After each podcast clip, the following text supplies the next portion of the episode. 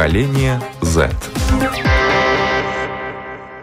Здравствуйте, с вами Марина Талапина, режиссер программы Даниэль Йоффе. И сегодня программу «Поколение Z» можно увидеть не только на Фейсбуке, в Инстаграме, на Ютубе и на сайте lr4.lv. И, конечно, программу Латвийского радио 4, я напоминаю, можно услышать э, практически на всех платформах, включая Spotify, Google и Apple Podcast. Сегодня Знаменательный день. Сегодня программу «Поколение Z» можно увидеть в рамках марафона мультимедийной платформы для национальных меньшинств «Рус www.lsm.lv.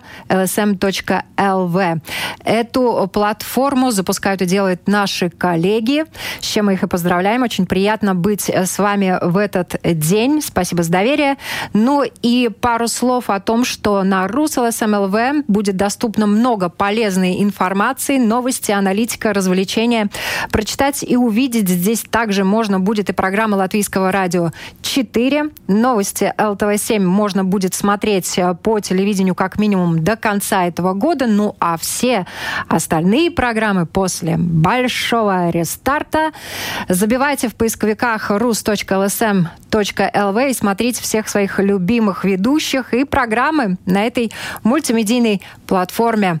Рестарт сегодня имеет место не только в жизни э, в глобальном мире, но и в жизни любого человека. И не исключение молодые люди, которые участвуют в нашей программе. И поэтому сегодня мы э, поговорим о рестартах, которые э, проходят, проводятся в жизни учеников школ и студентов.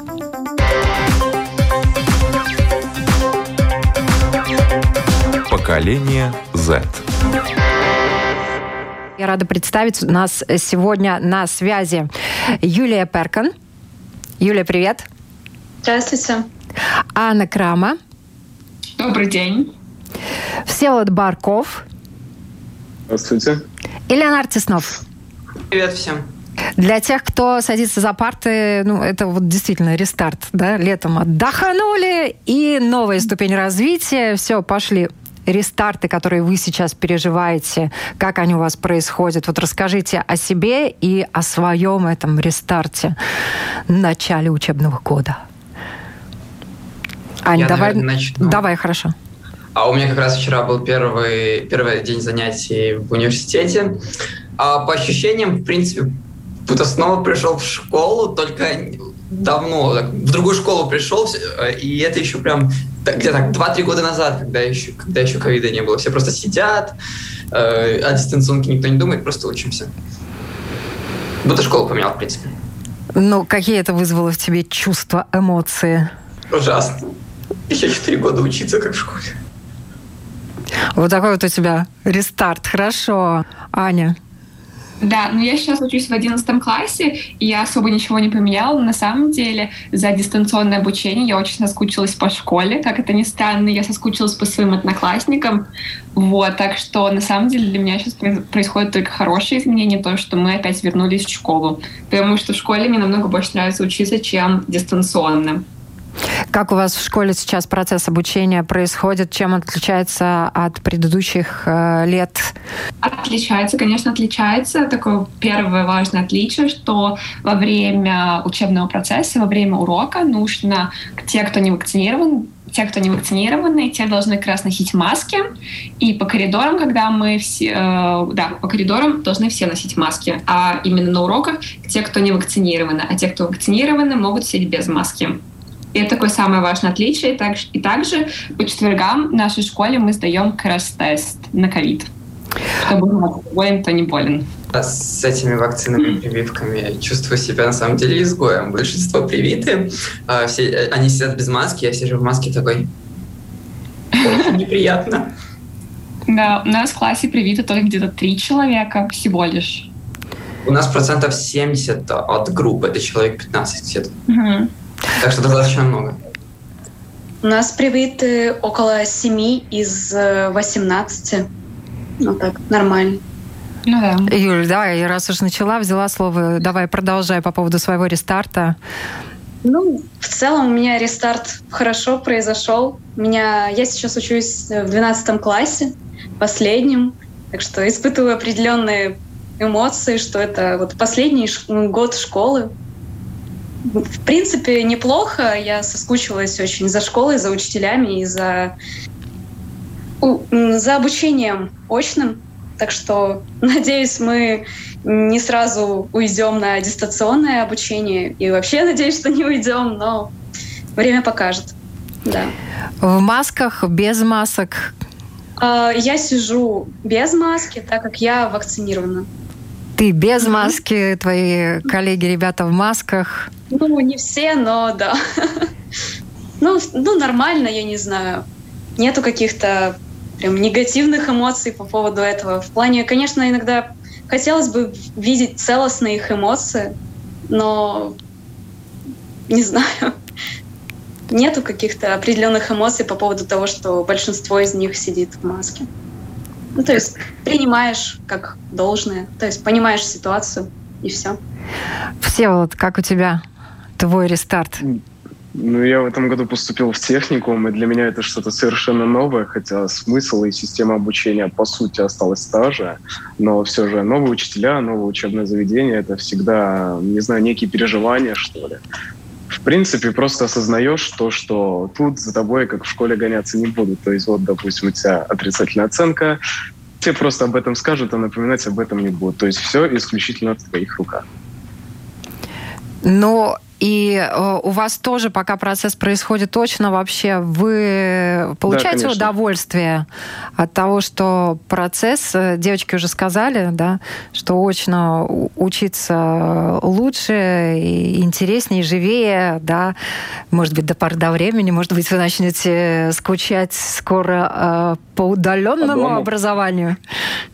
Не знаю, я поддерживаю вот девочек, получается, в школе, в техникуме, да в любом учебном заведении гораздо интереснее, нежели сидеть дома в четырех стенах, ведь прошлый год мы практически весь просидели дома, и это уже настолько наскучило, то что живого общения, собственно, не хватает. Смотрите друг на друга по-другому, на одноклассников своих. Наслаждаетесь вообще? Смотрите на них чаще, больше? Как это ну, происходит? К сожалению, я же поступил э, в техникум, это мой я... первый курс, и у меня новых, у меня все новые лица. Вот я к девочкам обращаю свой вопрос. А. Да, да, больше, больше общаемся, мне кажется. Да. Я думаю, что мы стали больше ценить время, которое проводим с одноклассниками. Ну, мне кажется, и дольше задерживаете все-таки взгляд друг на друге, да, потому что потом придется, вдруг придется опять да. через мониторы смотреть. Лео. В этом плане мое мнение девочек и все воды отличается, потому что я вот хочу, чтобы все-таки университет отправили на дистанционное, потому что тогда легче совмещать работу и учебу. При этом как бы университет все равно легче совмещать с работой, чем э, школы, но с дистанционкой все равно легче. Ты уже пошел работать параллельно? А, я вот совсем скоро буду начинать. То есть, в принципе, я... ты меняешь свою жизнь в корне. Школа, диплом уже совсем позади, и такая практически взрослая жизнь, учеба, работа, вот она. Да, а чего, а чего тормозить? Как бы жизнь короткая, надо спешить. Я вообще себя здесь таким, э, с таким стариком чувствую. Все там... Кто-то в техникум только поступил 11-12 класс, а я тут один единственный с университета. Старичок, да. Ты уже старичок, и уже песочек сыпется. Действительно. Но на самом деле, то, что касается рестарта, у тебя такой вообще такой полный а, а, апгрейд и снос винды и установки новых программ получается, да? да? У меня даже обучение на английском, когда я привык к нему на латышском. Так что у меня все по новой. Да, полный рестарт, в общем. Ну, уже полтора года наш земной шар э, живет э, по новым правилам, в том числе и Латвия, конечно, и вы э, на себе испытали ощутили во всей красе многие изменения, да, особенно те, которые касаются э, изменений в образовании. Вот э, это достаточный срок, чтобы начать э, привыкать и приспосабливаться, с одной стороны, да, от чего-то устать, а что-то, может быть, уже и забыть, да, и от чего-то отказаться. Вот э, от чего вы отказались за эти полтора э, года, а что, может быть, э, у вас отняли? Вот так я сформулирую э, свой следующий вопрос и попрошу, наверное, все Всеволода взять на себя Огонь. Это участь. ну что ж, лишились мы достаточно многих развлечений по типу кинотеатра и закрытых помещениях конкретно. Но появились также новые увлечения, например, даже путешествия. То есть я всегда любил путешествовать, но когда были открыты э, все заведения практически, ну, как-то ты об этом не думал. А как когда поймали тебя как в клетку, что ли, пустили определенные рамки, тогда ты начинаешь ценить то, что у тебя конкретно было. Классное открытие. Как минимум Безусловно, два. безусловно, да. Можно заниматься зато саморазвитием, и нету никаких-то там раздражителей. Никто не мешает. Там, знаете, да, никто не зовет домой, пойдем в клуб, там, там погулять. Э, а в клуб нельзя. По да. торговым центрам. А в клуб нельзя. А да. А вакцинированным можно. Да, так что вакцинированные, получается, сейчас, э, по-твоему, немножечко оказались э, ущемлены и у них не так Почему много времени наоборот? для саморазвития, их отвлекают клубы, ну, куда они могут ходить. Ну не то, что не то, что их отвлекают, но может быть это зависит же от каждого человека. То есть кому-то, может быть, это мешало то, что его там постоянно куда-то звали, а, отвлекали его, а кому-то нет. Ну я, конечно, шучу, поэтому я сейчас пере... Безусловно передаю эту волшебную эстафетную палочку поделиться своими впечатлениями о том, чего лишились и что отняли девочек. Ань, давай. А, хорошо. Да, да. Я могу начать как раз. А, я полностью согласна, что, реш... Э, как уже Всеволод сказал, что э, лишили возможности посещать кинотеатры и различные публичные мероприятия. Но я, единственная такая моя главная причина, почему я сделала прививку, вакцинировалась, это чтобы путешествовать и потом уже не сидеть карантин, вот, для меня это был такой, такой главной причиной, чтобы вакцинироваться, чтобы просто-напросто путешествовать и не и привести этого... сюда какой-нибудь новый штамм. Да? Или какая-то ага. другая мотивация, чтобы упростить просто себе вот эти ну, вот да, все... упростить путешествие. Так же самое, чтобы, если мне понадобилось то, в школьное время куда-то поехать за границу, чтобы мне потом не приходилось, ну, чтобы мне потом не приходилось сидеть в карантин и потом только приходить в школу. Чтобы я могла поехать и потом опять пойти спокойно в школу, не сидя дома. Юля. Я, я, я поддерживаю Анну, так как я тоже путешествовала в августе довольно много. Я, получается, целых два года сидела дома, нигде не была, и вот у меня появилась наконец-то возможность. Я впервые за два года увидела своего отца наконец-то. И в целом ощутила столько эмоций, за сколько, сколько не ощущала очень длительное время. Это, наверное, главная причина вакцинации. Особенно если у тебя близкие люди где-то далеко находятся. Да. То есть не по медицинским показаниям? Хотя медицинские показания, казалось бы, тоже ну, должны присутствовать. Показания тоже важны, то есть, ну, для меня. Но как большая такая плюшка приятная, это то, что можешь поехать к своим родным. Да. Ты же, я вас вообще спрашивала о том, что у вас отняли, чего вы лишились. А вы так сразу... Плавно перешли в путешествие. Да. Что вы приобрели, Леонард? Ну, у тебя, может быть, что-то отняли все-таки? А, ты чего-то Общение с людьми. А, ну, сейчас вернули, а ты все равно хочешь на удаленку, сам признался. Сейчас как бы многие улетели за границу учиться, а друзей мало осталось, нов, новые люди, я еще их никого не знаю, буквально один день, вчера их видел впервые в глаза, и поэтому да. И поэтому, да, хочешь от них сбежать и работать, да? Тоже рабочая схема, но нет. А, наверное, продолжу мне, э, слова девочек по поводу вакцинации. Меня, я как бы сам за вакцину был давно, но у меня родители были против того, чтобы я вакцинировался. И сейчас э, стоял выбор, либо я получаю высшее образование, либо я вакцинируюсь, потому что в Латвийском университете обучение проходит очно, и надо вакцинироваться. Вот поэтому я и вакцинировался но еще не, закончил процесс вакцинации. Ребят, ну вообще, конечно, вы уже взрослые и ставите, наверное, перед собой еще какие-то цели. Я осмелюсь предположить. Может быть, не ставите, тоже вариант, да. А, но вот этот учебный год, вы уже проговорились, что хотели бы все-таки очно учиться, не уходить на удаленку, да. А, и плюс-минус, к чему вы себя готовите, на что вы себя настраиваете Естественно, мы не можем знать, э, закроют, не закроют, будете учиться удаленно, не будете учиться удаленно. Есть какие-то другие вещи, которые вам в течение этого года надо освоить э, и так далее. Вот что это? Раскройте карты, поделитесь. Юль, давай ты. Хорошо. Ну, лично я себя настраиваю на то, что все-таки нас могут отправить обратно на карантин. Ну, не на карантин, о боже мой. В общем, на изоляцию, да. Сидеть дома и дистанционно учиться. В моем случае это не очень хорошо, потому что у меня последний год школы, как бы, ну, будут экзамены, и когда ты находишься дома, ты меньше усваиваешь информации, чем э, в школе, потому что в школе намного это все легче поглощать. Вокруг, ну, перед тобой стоит учитель и все объясняет. А через компьютер теряется связь, плюс э, многих э, ребят лень начинается тоже. Ну, там...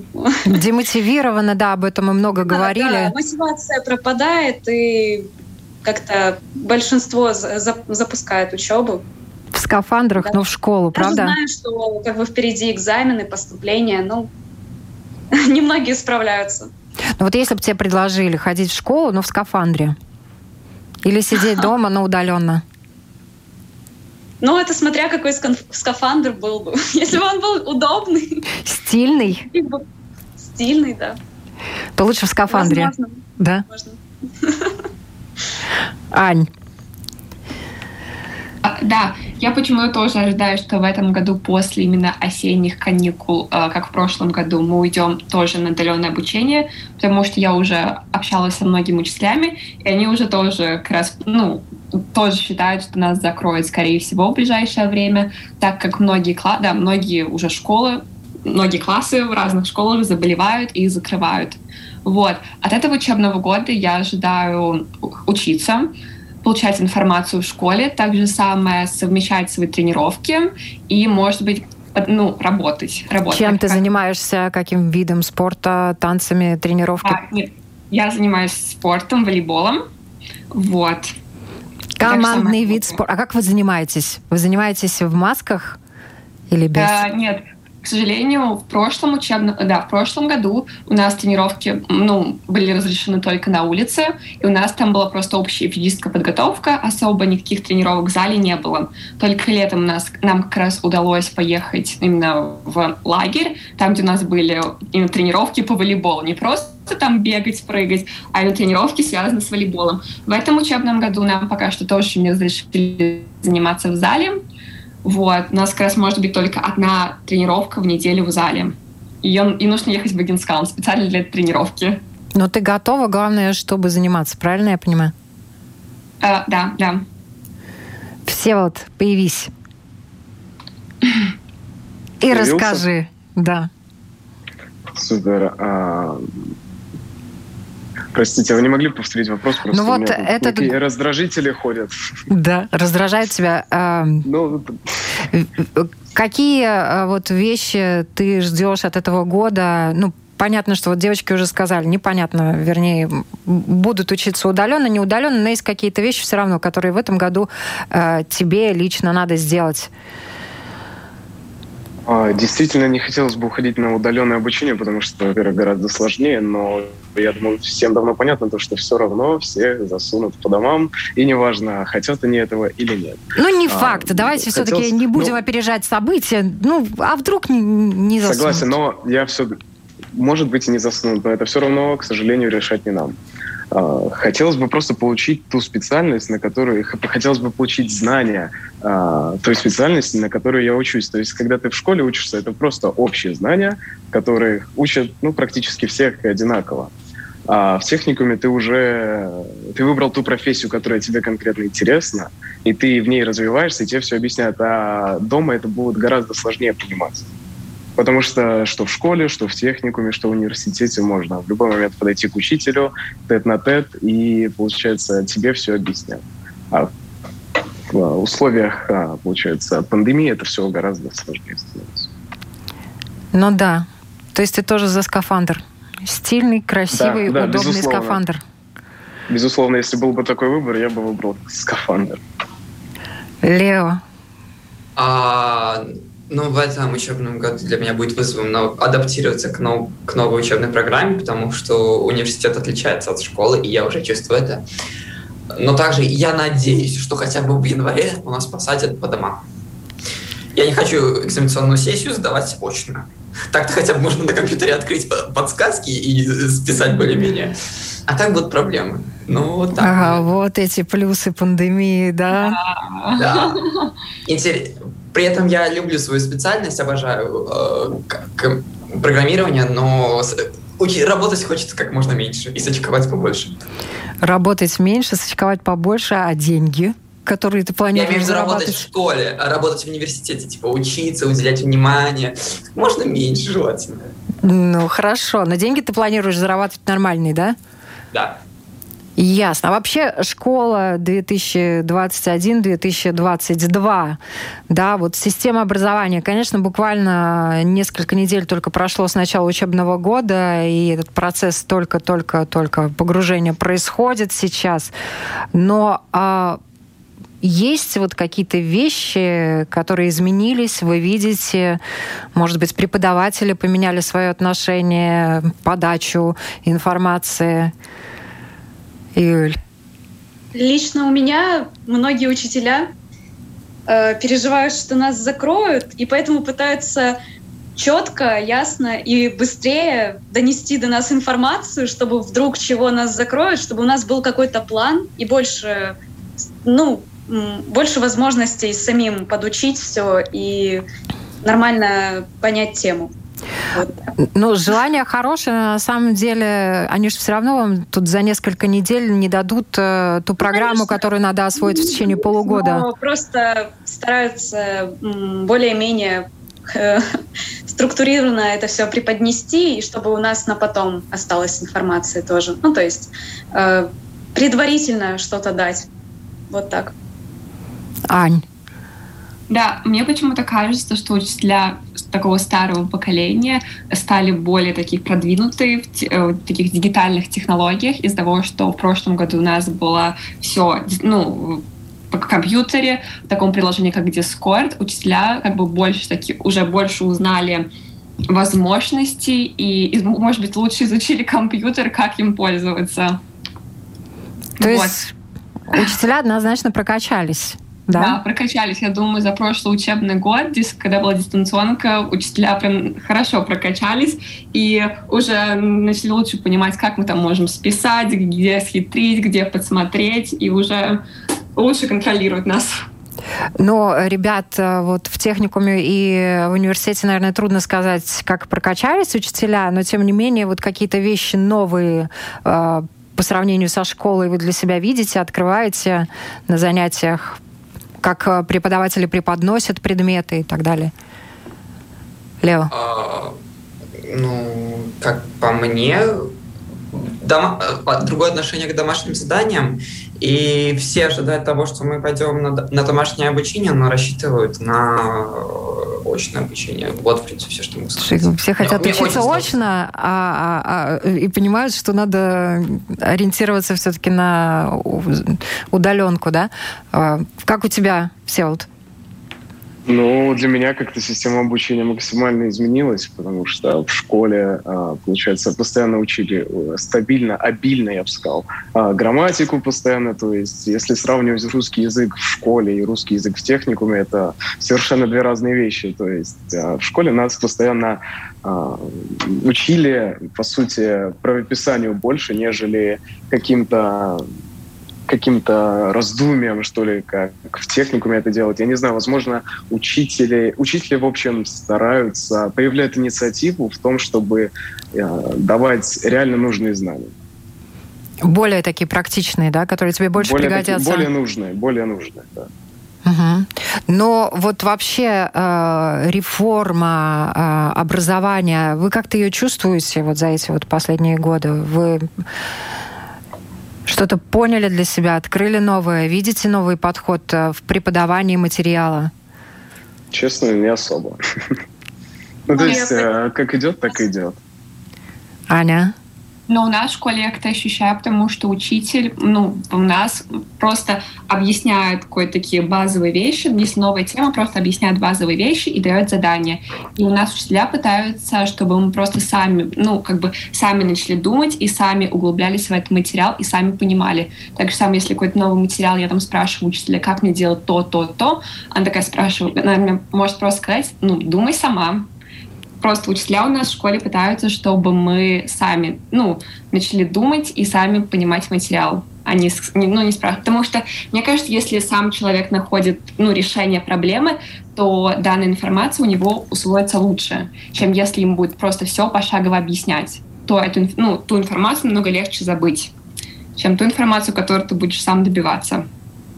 Ну, это логично, да, но у ряда задач э, может быть э, много решений разных, и все они будут правильные, эффективные, да, с результатом хорошим или не очень хорошим, да, вот э, в такой системе там и система оценок, она тоже, наверное, важна. Но вот сейчас ответит Юля, и тогда мы немножечко об оценочной системе поговорим в школе и в университетах? А, могу, могу еще добавить, что у нас а, после дистанционного обучения учителя а, начали часто приводить в пример, допустим, по экономике. У нас учитель спрашивал, как, ну, как по вашему мнению, коронавирус повлиял на экономику, в принципе, в Латвии и э, в мире. В общем, э, по биологии тоже нам...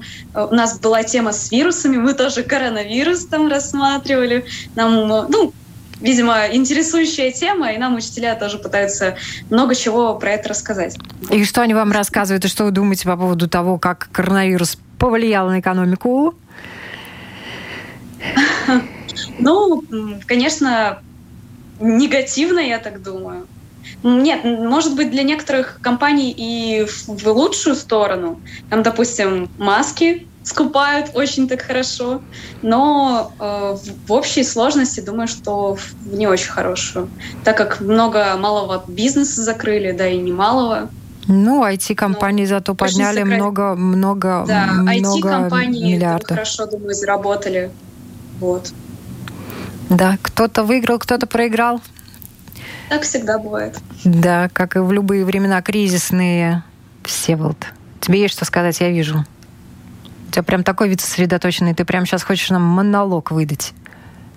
Ну, если бы это было бы так, просто тут не очень комфортно сидеть. На самом деле люди постоянно передо мной проходят, но хотя бы не разговаривают, уже хорошо. Они завидуют тебе? Завидуют? Я боюсь, они даже не замечают, чем я тут занимаюсь. И поэтому тут как бы не очень комфортно сидеть.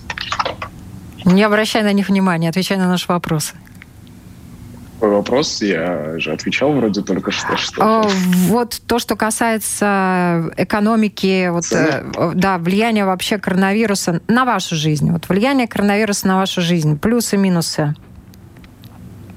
Я бы сказал сплошные минусы. Ну, потому что много, мы уже говорили это, опять тавтология получается какая-то. А, закрылись многие заведения, где можно было как-то весело проводить время. Но в то же время ты сказал, что можно заниматься саморазвитием. Ну, саморазвитием фактически можно заниматься в любое время, просто с условиями коронавируса это гораздо проще, потому что больше нечем заниматься в принципе. За исключением лета. А что было летом? Ну, летом было чуть больше возможностей, нежели весной, потому что можно было отдыхать, так сказать, на водоемах каких-либо, проводить э, весело время, походы разные, поездки по Латвии, потому что у нас же достаточно много красивых мест которые советую всем посетить. Но на самом деле то, что касается лета, действительно очень много и сразу, как только э, можно было выходить на улицы и тусоваться, молодежь роилась. Именно молодежь. Все акцентировали внимание на том, что молодые люди собираются компаниями и проводят э, время, и наконец-то начали встречаться с друзьями, и вот насладились этим общением. Этого хватило сейчас, этого вот э, заряда общения для того, чтобы так эффективно начать и погрузиться в учебу? Да, вполне. Юля? А, из плюсов я могу сказать, что многие люди научились, в принципе, держать дистанцию от других людей, то есть не подходить близко и, э, и также гигиену поддерживать. Все научились мыть руки. Использовать антисептик э, или мыть руки или еще что-то. Наверное, в этом плюс есть. То есть я сама раньше не так часто использовала какие-то средства гигиены, как сейчас. Сейчас чаще. Аня, у тебя как? Я вот полностью согласна с Юлей, тоже хотела сказать про гигиену. То, что раньше, может быть, многие люди забывали просто-напросто после улицы помыть руки, а сейчас на это стали больше акцентировать внимание, везде стали э, дезинфекторы. Из-за этого с гигиен... ситуация с гигиеной стала намного лучше. Лео, как у тебя? Как у мальчишек с гигиеной? Хорошо с гигиеной. Это было оскорбительно для мужского пола. Почему? Ладно.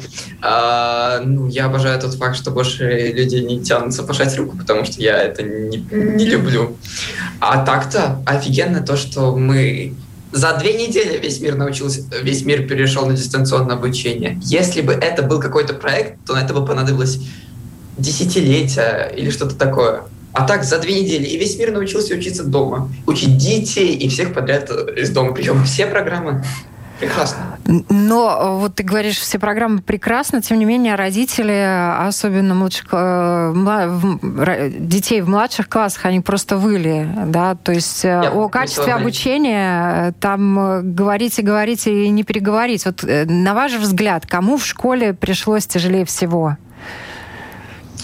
Я прям уверена, что младшим классам, которые нач, нач, э, начали учить только такую базу, читать, писать, считать, им на самом деле, я думаю, было тяжелее всех, потому что я думаю, что им прям нужно был рядом учитель, который мог бы им помочь, который мог бы их... Эм, да, помочь советом или так же самое, чтобы он сел на место, сосредоточился и начал решать я думаю, младшим классам было тяжелее всего. Из-за этого так же самое родителям младших классов, а я думаю, они тоже почувствовали удар этого, этого, этой дистанционного, этого дистанционного обучения. Ну, много говорили про агрессию, да, которая выросла в семьях, и про такие не очень лицеприятные вещи. Мы об этом тоже говорили в программах Латвийского радио 4.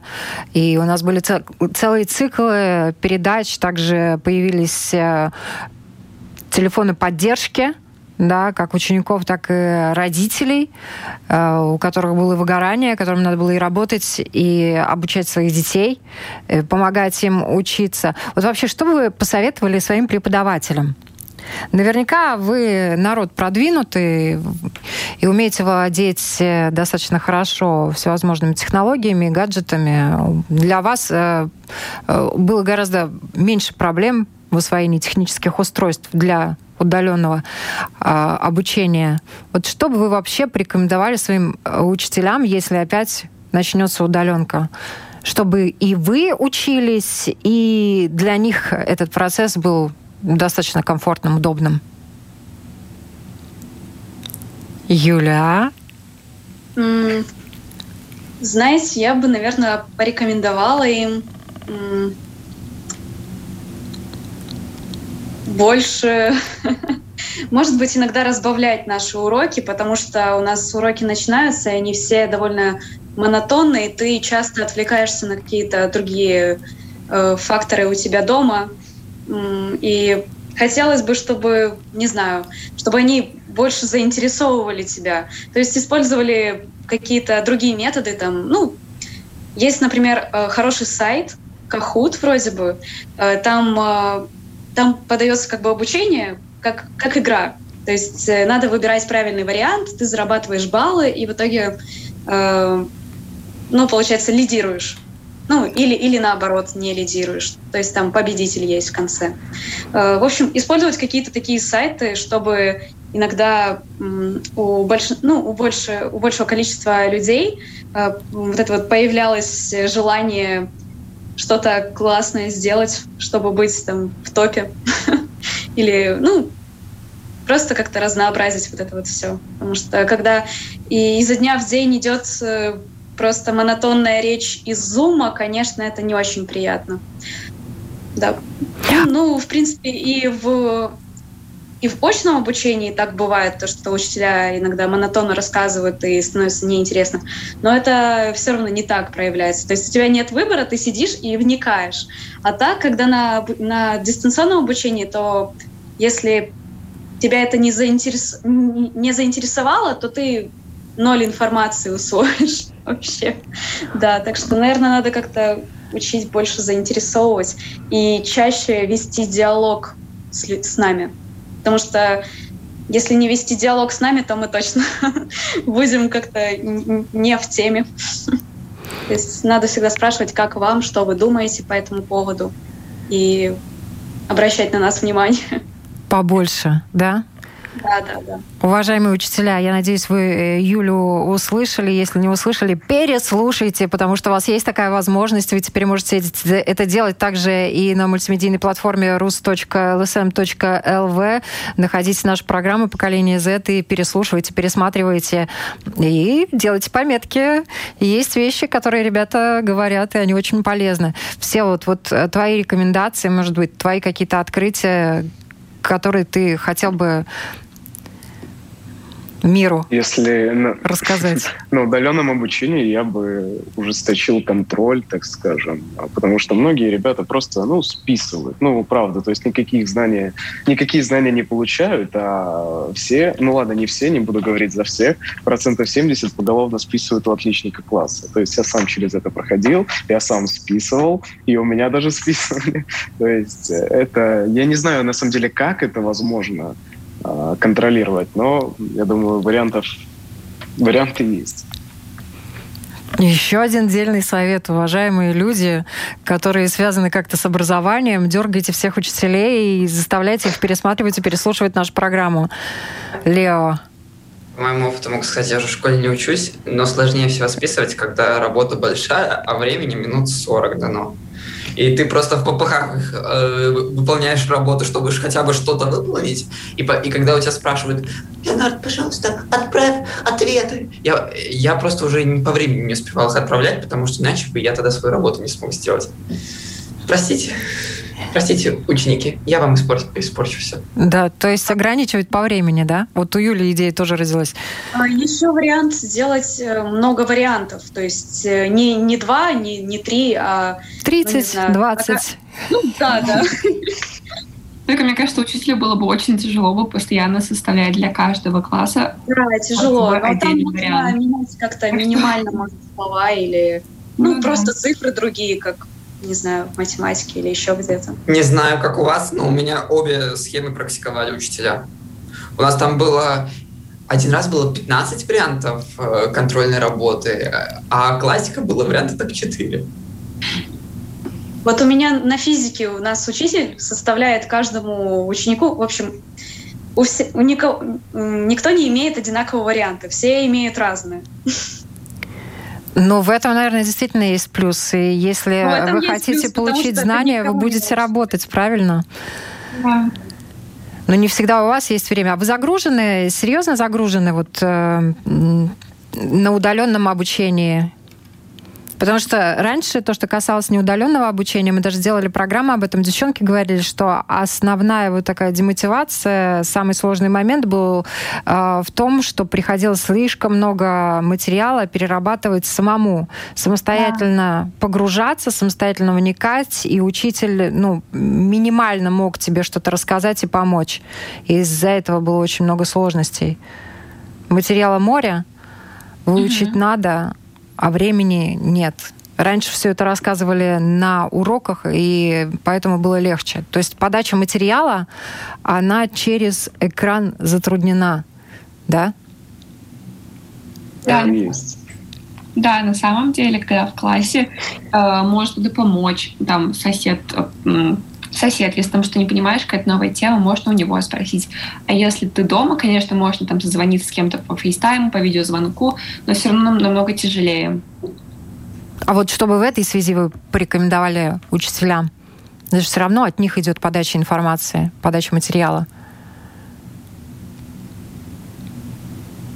может быть, чаще спрашивать учеников, все ли им понятно, может, это не... Да, что, что именно непонятно, и, может быть, больше объяснять, объяснять, объяснять. То есть та же самая обратная связь, про да, которую уже говорила Юля. Да, просто-напросто обратная связь, но также, может быть, есть какие-то ученики, которые в реальной жизни как бы, ну, не боятся там спросить, а по видеозвонку, по видеосвязи боятся спросить то, что вот, мне то-то, то-то непонятно, чтобы, например, не слышал весь класс. Есть тоже такие дети. Вот это классное замечание.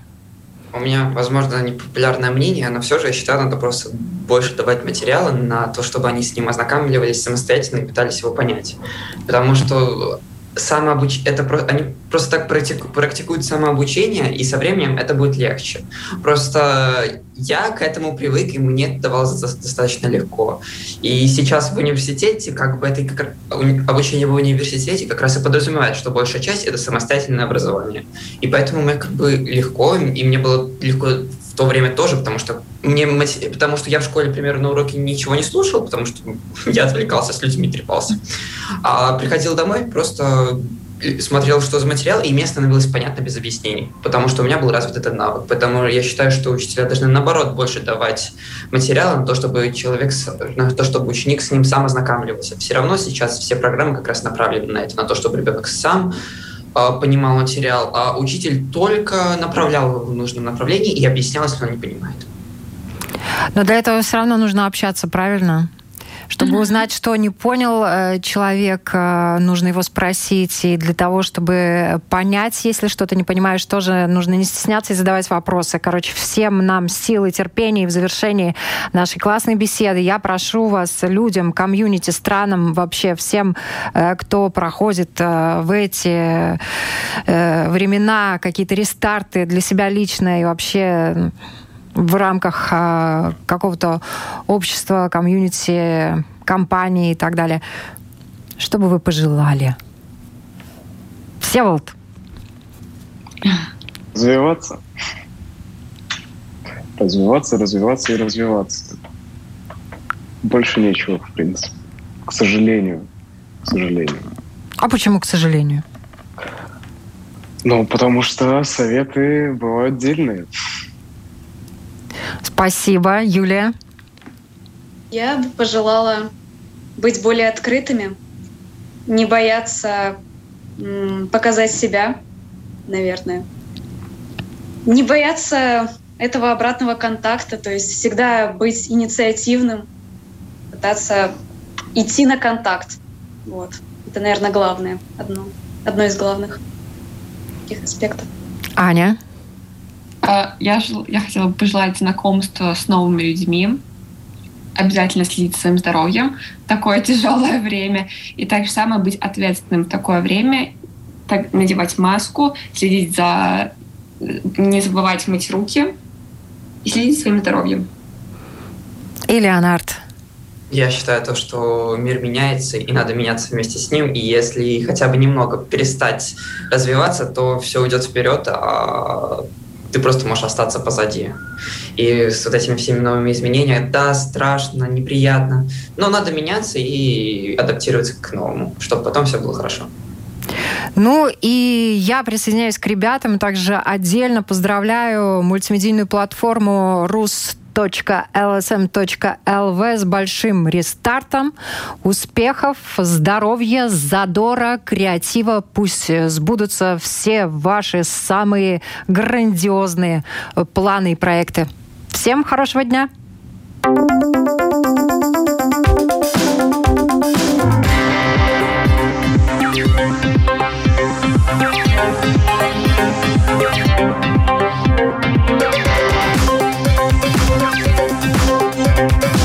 Поколение Z.